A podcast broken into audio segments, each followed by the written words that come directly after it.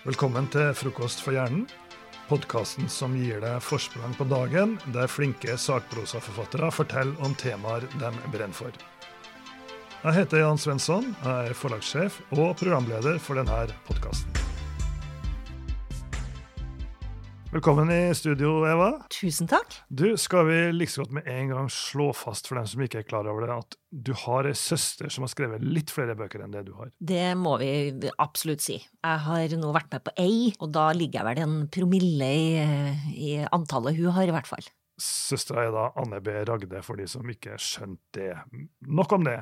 Du har da skrevet bok i samarbeid med krimforfatter Trude Teige som heter På åstedet jakten på bevisene. Hva slags bok er det egentlig, Eva? Dette er jo ei bok som egentlig skal ta leseren med inn i en verden som eh, vi har oppfatta at veldig mange er veldig, veldig nysgjerrig på, men som eh, dessverre flertallet vet veldig lite om. Til og med egne kolleger. Og eh, for at det her skal bli noe annet enn ren underholdning à la CSI på TV-en, så fant vi at det kunne være fornuftig å skrive bok som var fra virkeligheten. Nettopp. For du er jo da kriminaltekniker. Ja. Så da tror jeg vi skal begynne med å du forklarer litt hva, den, hva den jobben går ut på? Kriminalteknikeren, i motsetning til det vi oftest uh, hører om på TV-en, det er jo de taktiske etterforskerne. De som prater med vitner, de som går ut og driver rundspørringer, de som prater til pressen og i det hele tatt. Vi som er kriminalteknikere, vi leter etter det som vi, uh, ja, litt klisjéaktig kaller de tause spor. Men det er jo egentlig det det er. Når vi kommer inn på et åsted, så ser jo vi etter alle de tingene som ikke et vitne kanskje vil forklare seg om, eller som egentlig ingen tenker på at kanskje har betydning i en sak. Så det vi ser etter, det er jo usynlige biologiske spor. Vi ser etter situasjonsspor, som kanskje er den viktigste biten vår. Vi ser etter fingeravtrykk, fotavtrykk, inntrykksspor Ja, i det hele tatt en, en verden av spor. Så da må du jo ha ordentlig radarblikket på, da? Radarblikket må komme på.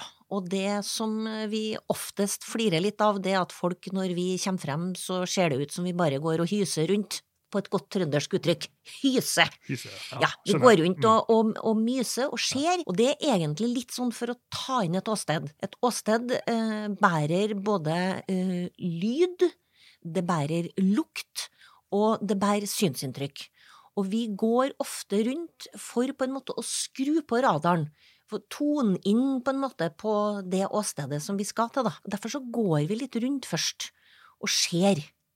Og du ser etter hva da? Da ser vi egentlig etter alle ting som er utenom det vanlige.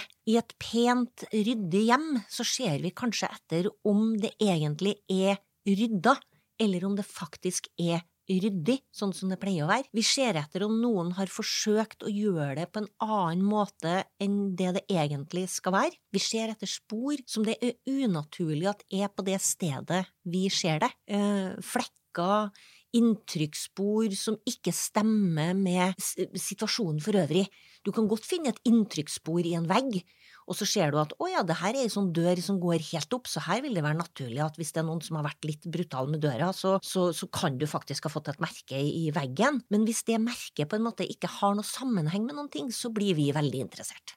Her må du jo ha mye erfaring eh, for å kunne gå inn og ha det blikket der, da. Ja, altså jeg pleier å si at kriminaltekniker, vi har masse teknologi som kan hjelpe oss, men utgangspunktet er erfaring. For hvis du skal uh, quote, lese et åsted, så må du ha erfaring. Og det som også er helt grunnleggende for oss når vi lærer opp uh, nye, det er jo nettopp det her med at vi har alltid en erfaren som lærer opp en ny. Overføring av kunnskap, det skjer eh, hands on. Vi har jo, vi er vant til å se det her på TV-en, da, eller lese om det i krimbøker. Altså, så det ser jo fryktelig spennende ut. Altså, er det sånn som det er på TV-en, egentlig? Eh, når du ser det på TV-en, eh, både hvis du tenker deg det som er blitt laga av rekonstruerte true crime-greier, eller at du tar det helt ut i andre enden CSI, det, det blir litt sånn, hvis du skal følge en kriminaltekniker, så blir det litt sånn sakte-TV, da. Hurtigruta minutt for minutt. Det er jo grenser for hvor artig det er, liksom. Og så eh, vi har ikke så stor framdrift da, som du har i CSI, og ikke mm. gjør vi alle de tingene der heller. Men jobben som sådan er jo hundre ganger mer interessant, fordi at du får lov til å bruke hodet ditt, du får lov til å være kreativ, du får lov til å være nysgjerrig, du får lov til å tenke, du får lov til å lage de villeste hypoteser i hodet ditt, fordi at poenget er at du skal se om det her stemmer eller ikke.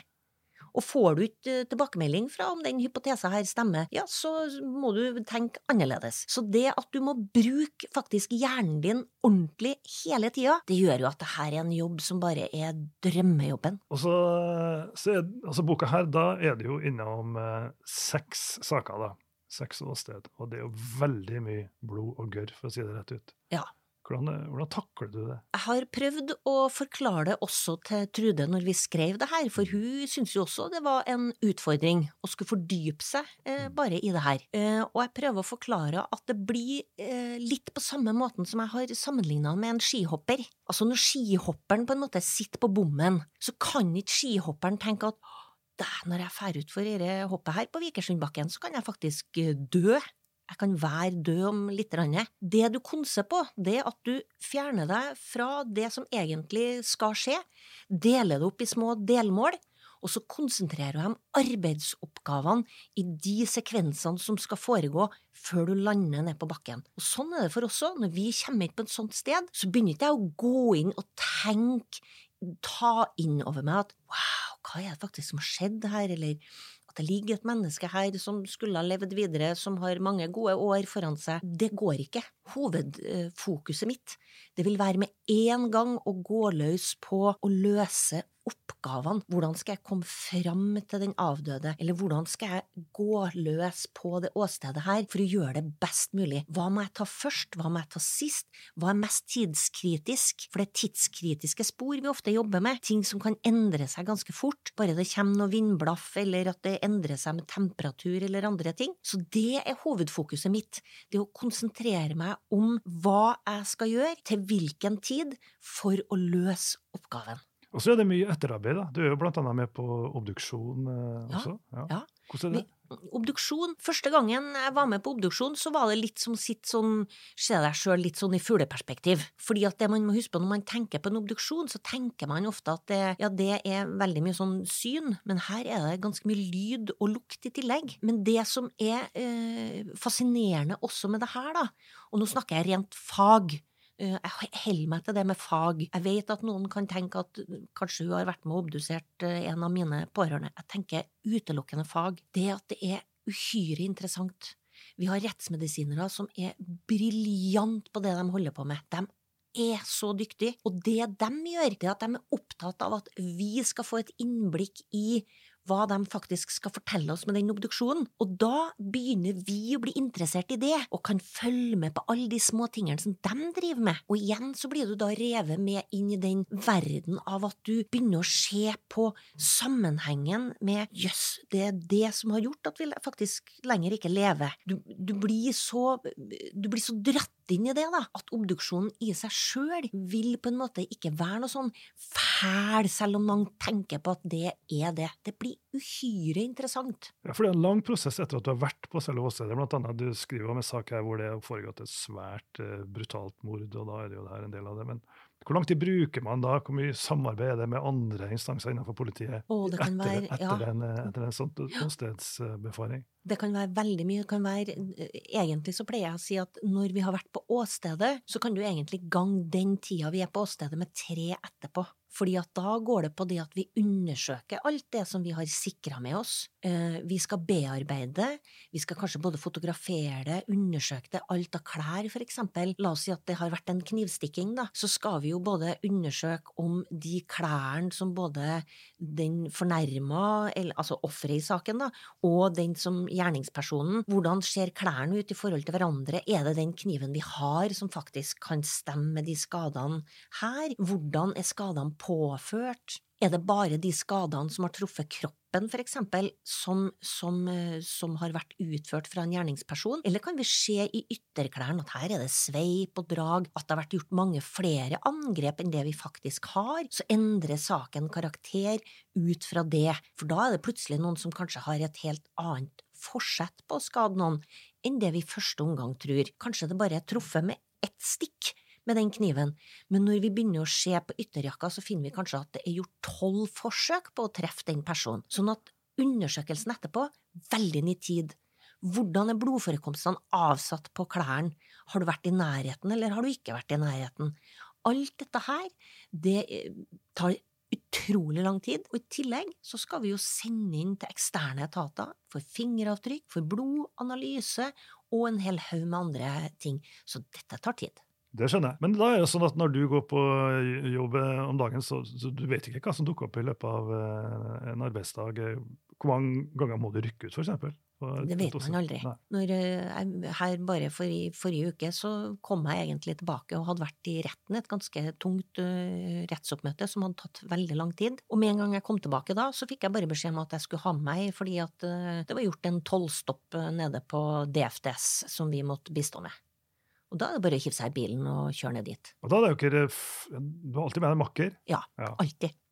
Hvordan fungerer det? Ja, det er jo en verden i seg sjøl. Jeg har jo, per i dag så har jeg jo en eh, vanvittig nydelig makker som, eh, som også har vært litt inn i det bokprosjektet som vi holder på med. Og det er jo også fordi at han kjenner meg såpass godt at det er en eh, god ting. Man kjenner hverandre veldig godt. Makkeren må du stole på, du må vite hva slags kvaliteter som ligger hos makkeren din. Og veldig ofte når vi setter sammen makkerlag, så setter vi oss sammen at én er veldig god på én ting, den andre er god på en annen ting, sånn at man utfyller hverandre veldig godt, og gjerne en som er mer erfaren enn den andre, og at vi fungerer godt sammen. Vi skal fungere klokka tre om natta når vi står opp eh, fra senga vår, og vi skal fungere på vårt beste når vi, når vi liksom briljerer etter lunsj og eh, full i magen og, og, og liksom eh, har masse piff. Det må jo være en viss del av debrief etter såpass sterke ting som dere opplever. Hvordan fungerer det? Ja, det er òg en, eh, en, liten utfordring sånn fordi vi har brukt en del både psykiatere og psykologer etter for eksempel store hendelser. Og det er ikke nødvendigvis så enkelt fordi at uh, du skal være traumepsykolog for å skjønne hva vi egentlig driver på med. Sånn at jeg tror nok med hånda på hjertet at det beste debrifen for meg, det er å prate med kolleger. Nettopp. Og det tror jeg nok det var behov for eh, i et av de sterkeste kapitlene i boka. Det er jo om 22. juli. Du var jo tidlig på åstedet etter eksplosjonen i regjeringskvartalet. Ja. Hvordan var det? Det var, det var som å være med i en film. Fordi at du kan godt uh, mentalt forberede deg, og det gjør vi ofte. På veien ut til et åsted så snakker vi gjennom. Hva er det som kan møte oss her? Hva slags beskjed har vi fått? Hva er det vi tror at skal møte oss ute? Men det her klarer du ikke å forberede deg på, fordi at det er så svært. Omfanget er så digert. Og når du kommer bort til noe som har vært helt sånn trygt og greit i din egen by i mange år, og du plutselig kommer dit og det ser ut som du står midt i en krigssone, så, så tar det en liten stund før du på en måte klarer å skru på knappen i hodet. Stick to the plan, og start med oppgavene som du kan. Begynn med det som gjør at du gjenvinner kontrollen. Ta fatt i en oppgave. For her har du ikke kontroll i det hele tatt, for du bare skjønner ikke hva som skjer rundt deg.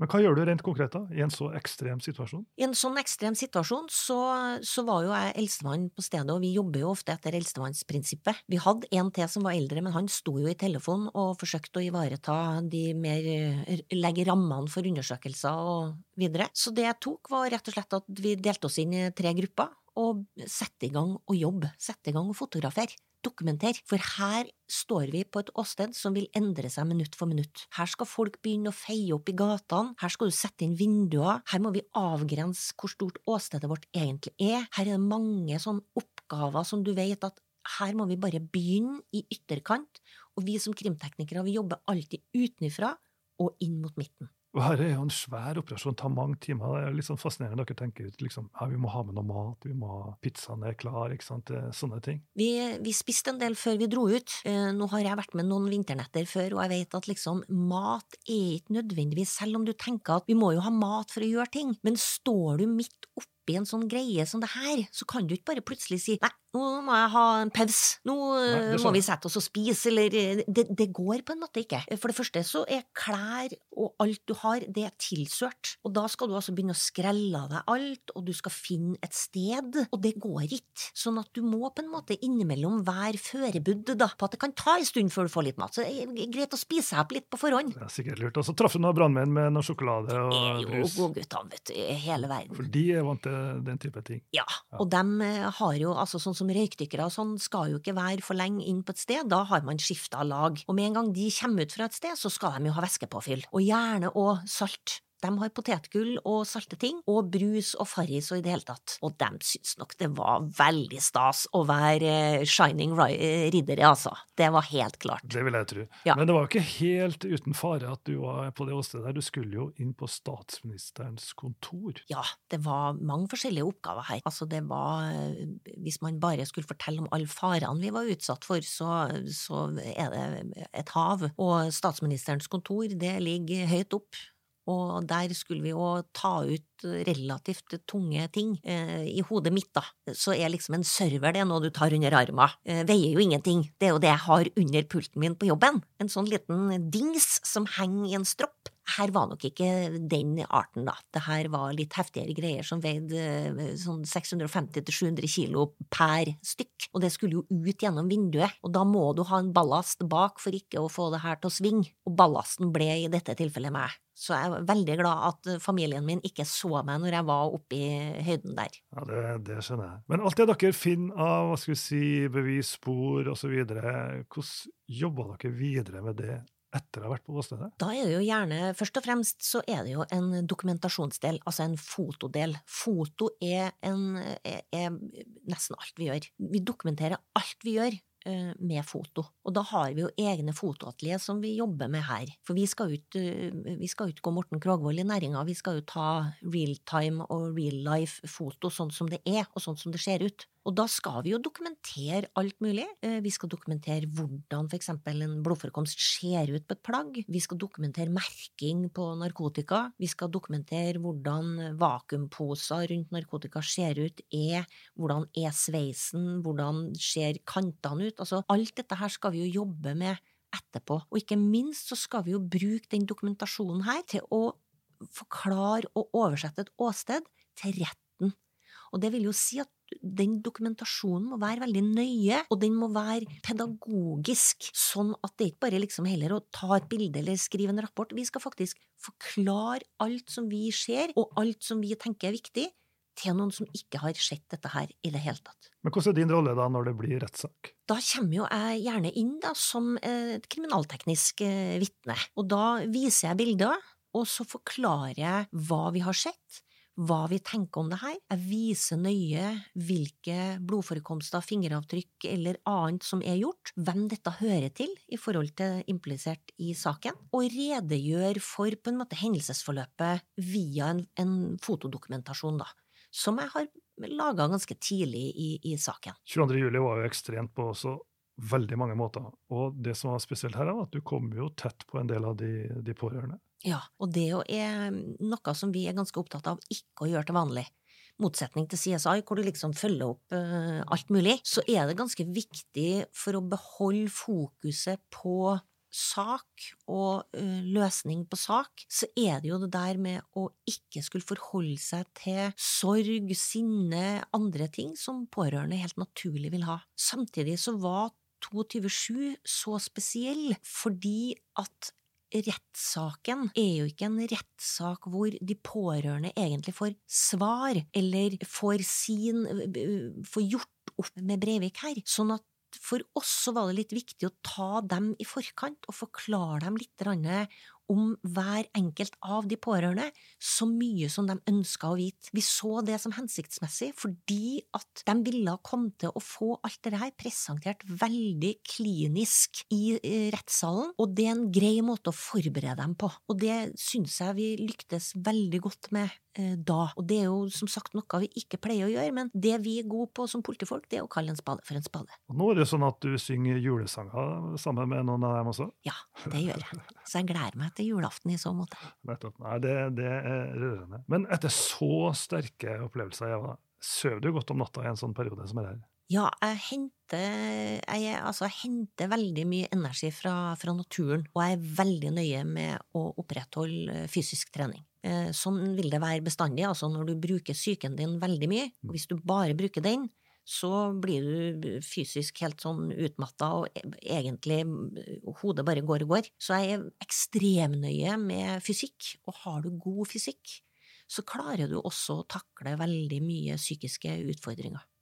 Og så har du en hund, da? som du... Jeg hadde i hvert fall en hund. En, altså, ja, og jeg, det, var, det, var, jo en, en, hund som egentlig var en institusjon i seg sjøl, og hun snakkes det fremdeles om. Jeg har aldri hatt noen hund som har gjort et sånt inntrykk på så mange, så, så Birka, hun, hun har gjort uslett inntrykk på veldig mange. Og hun har jo også spilt inn film, så hun er jo i historiebøkene, hun òg. Ja, er i den boka her. Ja. Så, så, det er jo ikke noe tvil om at denne boka her er jo true crime eh, på sitt beste. Det hører jo de som hører på den også, at her er det veldig mye spennende stoff. Og for å få til en god true crime, så jobba du rett og slett med en uh, dreven krimforfatter, Trude Teige. Hvordan var det? Det var veldig spennende, uh, og veldig utfordrende. Fordi jeg har jo i hele min politikarriere vært vant til å ikke snakke om ting jeg driver med, og være veldig diskré med det jeg driver med. Eh, og som krimtekniker, enda verre, vi snakker jo aldri med noen, og plutselig så skulle jeg fortelle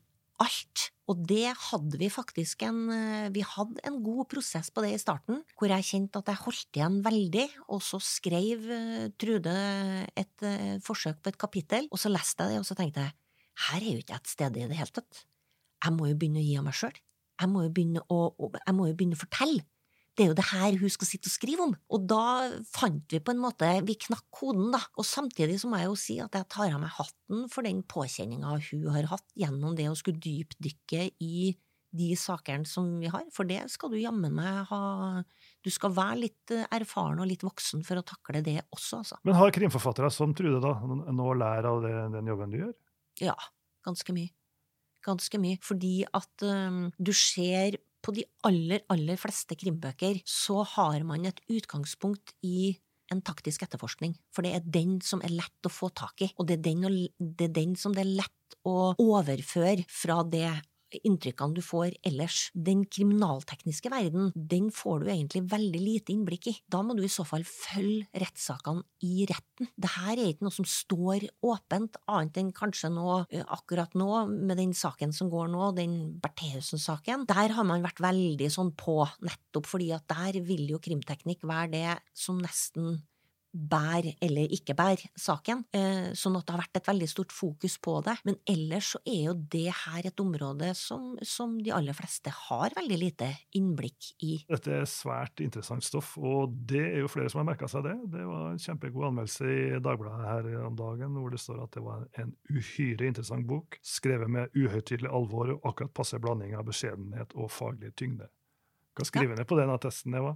Jeg syns jo det var veldig, veldig hyggelig å lese, det må jeg jo si. Vi har jo vært spent på hvordan eh, det ville bli mottatt, eh, hvordan folk syns det konseptet vi har kommet fram til ble, og, og ikke minst altså vil folk synes at det er artig å lese om kriminalteknikerens hverdag. Og, og jeg må jo si at de tilbakemeldingene vi har fått per nå, er jo langt uh, hyggeligere enn jeg hadde tenkt på forhånd. Det må jeg si. Det er veldig bra. Og det er en fin avrunding på den praten her. Tusen takk for uh, oppmøtet, Eva, og vi snakkes igjen. Det gjør vi.